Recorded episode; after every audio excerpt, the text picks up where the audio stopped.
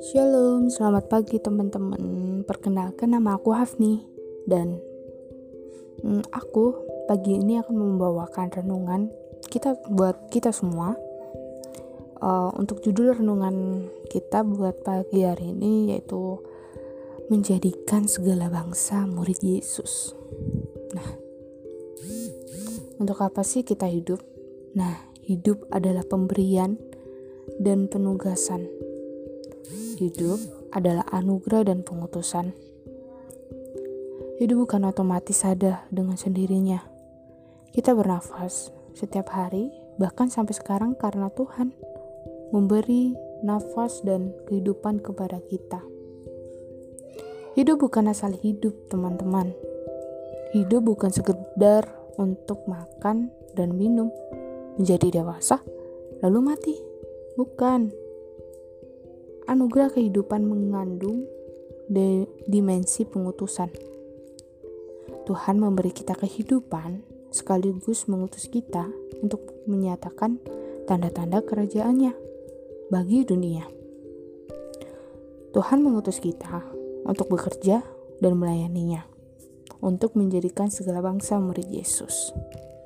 Dan sebenarnya teman-teman, untuk uh, ayat Alkitab untuk ayat Alkitab renungan pagi hari ini itu di dalam Matius 28 ayat 1 sampai 20 itu semua berhubungan. Kalian bisa baca bisa baca secara pribadi untuk ayat yang ke-1 sampai 15 dan di sini aku akan ngebahas uh, di dalam ayat yang ke-16 sampai 20 Oke, langsung saja Matius 28 ayat 16 sampai 20 yang menjadi pembacaan kita hari ini. Berisi amanat agung. Pengutusan Yesus bagi gereja, bagi saya, bagi kita semua. Misi Yesus melalui kelahirannya sebagai bayi di Bethlehem sudah dituntaskan dengan sempurna di Golgota Yesus telah bangkit dan selama 10 kali ia menampakkan diri sebagai Tuhan yang hidup. Kini Yesus akan kembali kepada Bapa yang mengutusnya. Tetapi misi pengutusan Yesus tidak berakhir, teman-teman. Misi pengutusan itulah yang diberikan bagi para murid dan kita melalui amanat agung ini. Mari kita baca di dalam Matius 28 ayat yang ke-16 dan ke sebelas murid itu berangkat ke Galilea, ke bukit yang telah ditunjukkan Yesus kepada mereka. Selanjutnya, sebelum kenaikan Yesus ke sorga, para murid pergi ke Galilea. Lalu di sebuah bukit, yaitu Bukit Zaitun, mereka berjumpa dengan Yesus. Para murid menyembah Yesus, sebab Yesus adalah Raja. Tetapi beberapa orang ragu-ragu untuk menyembahnya, teman-teman. Nah, untuk pembacaan ini ada tertulis di dalam Alkitab di dalam Matius 28 ayat yang ke-17. Mari kita baca. Ketika melihat dia, melihat Tuhan, mereka menyembahnya. Tetapi beberapa orang ragu-ragu. Nah, lanjut Yesus tahu setiap hati orang, baik yang percaya sungguh-sungguh kepadanya maupun meragukannya. Jadi, Tuhan tahu apakah kita percaya kepada Tuhan dengan sungguh-sungguh atau meragukannya, teman-teman. Kita lanjut. Keraguan beberapa orang terhadap Yesus itu wajar, sebab berita palsu yang disebarluaskan oleh mahkamah agama sangat menggoncang iman. Bahkan diikuti dengan ancaman para penguasa Yahudi. Yesus tahu persis situasi ini. Keraguan manusia tidak boleh menjadi penghalang bagi misi, misi pengutusan. Itu sebabnya sebelum amanat agung diberikan, Yesus terlebih dahulu membereskan keraguan para murid.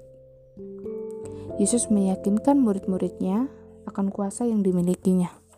Ada di dalam ayat yang ke-18, teman-teman. Mari kita baca. Yesus mendekati mereka dan berkata, "Kepadaku telah diberikan segala kuasa di surga dan di bumi." Nah, selanjutnya Yesus Yesus memproklamirkan kuasa Allah yang menjadi dasar pengutusan para murid. Kuasa itu diberikan Bapa. Kuasa itu menjangkau segala sesuatu di surga maupun di bumi. Tidak ada kuasa yang dapat mengalahkan kuasa Allah. Kuasa yang ada pada Kristus ini, itulah yang disebut Paulus kuasa kebangkitannya, atas dasar kuasa itu, para murid menerima pengutusan. Sebagaimana ayat yang ke-19 dan juga 20, ada beberapa pokok penting yang terkandung dalam amanat ini. Amanat ini dimulai dengan sebuah perintah. Pergilah Kata pergilah mengandung perintah sekaligus pengutusan. Pergi berarti bergerak, tidak pasif, tidak diam di tempat. Kita semua diutus untuk menjadi orang Kristen yang aktif, yang dinamis. Misi gereja adalah misi untuk pergi, bukan misi untuk mengurus diri sendiri menghebatkan jemaat ke dalam lal ke dalam lalu lupa dengan keadaan sekitar. Misi gereja bukan hanya misi ke dalam untuk diri sendiri, tapi juga misi keluar untuk menjadi garam dan terang dunia. Misi gereja adalah misi yang bertujuan untuk menjadikan murid. Sasarannya adalah segala bangsa bukan hanya bangsa Israel saja, tapi semua orang dari segala bangsa. Menjadikan murid bukan dalam pengertian menjadikan semua orang beragama Kristen, tapi menjadikan murid merupakan konsep uh, sentral Injil Matius.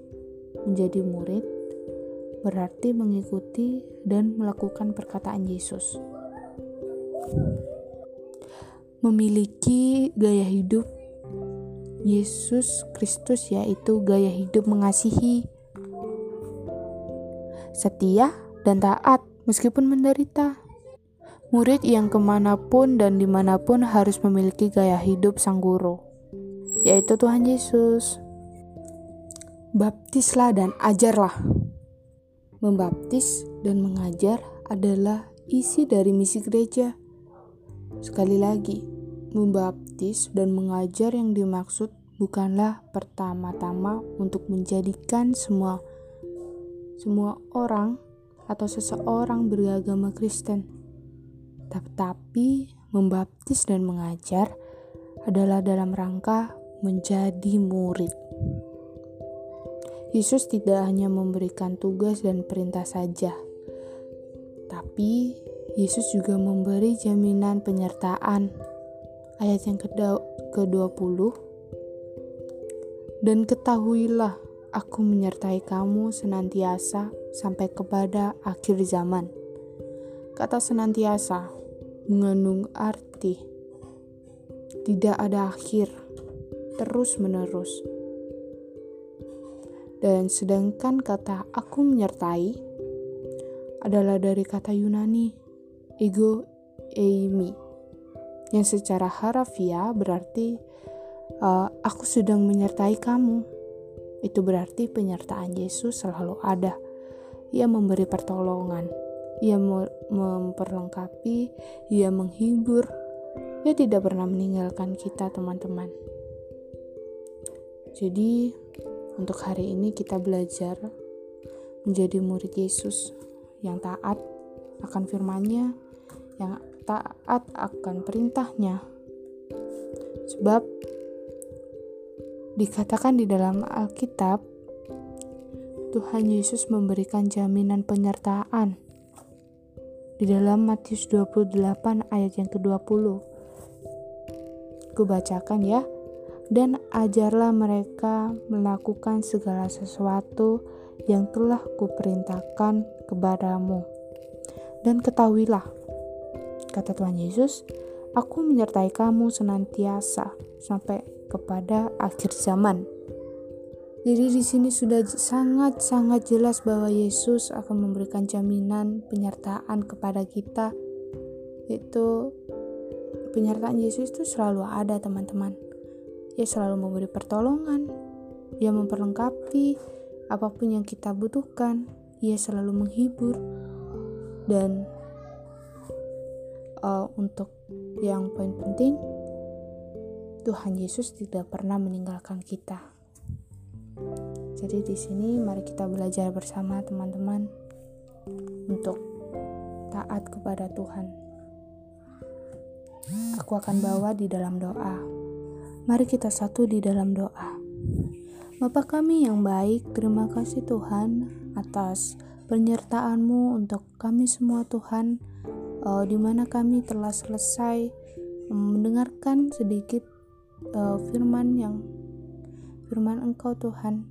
Dan uh, ajarilah kami untuk selalu taat Tuhan kepadamu Tuhan. Dan kiranya kami di sini bisa menjadi berkat Tuhan bagi sesama Tuhan. Dan sebentar lagi Tuhan kami akan melanjutkan aktivitas kami Tuhan berkati kami Tuhan sertai kami Tuhan kami tahu bahwa Engkau selalu memberi kami pertolongan Engkau selalu menyediakan yang kami perlu. Engkau selalu menghibur kami Tuhan dan Engkau tidak akan pernah meninggalkan kami. Inilah doa dan permohonan kami pada pagi hari ini Tuhan.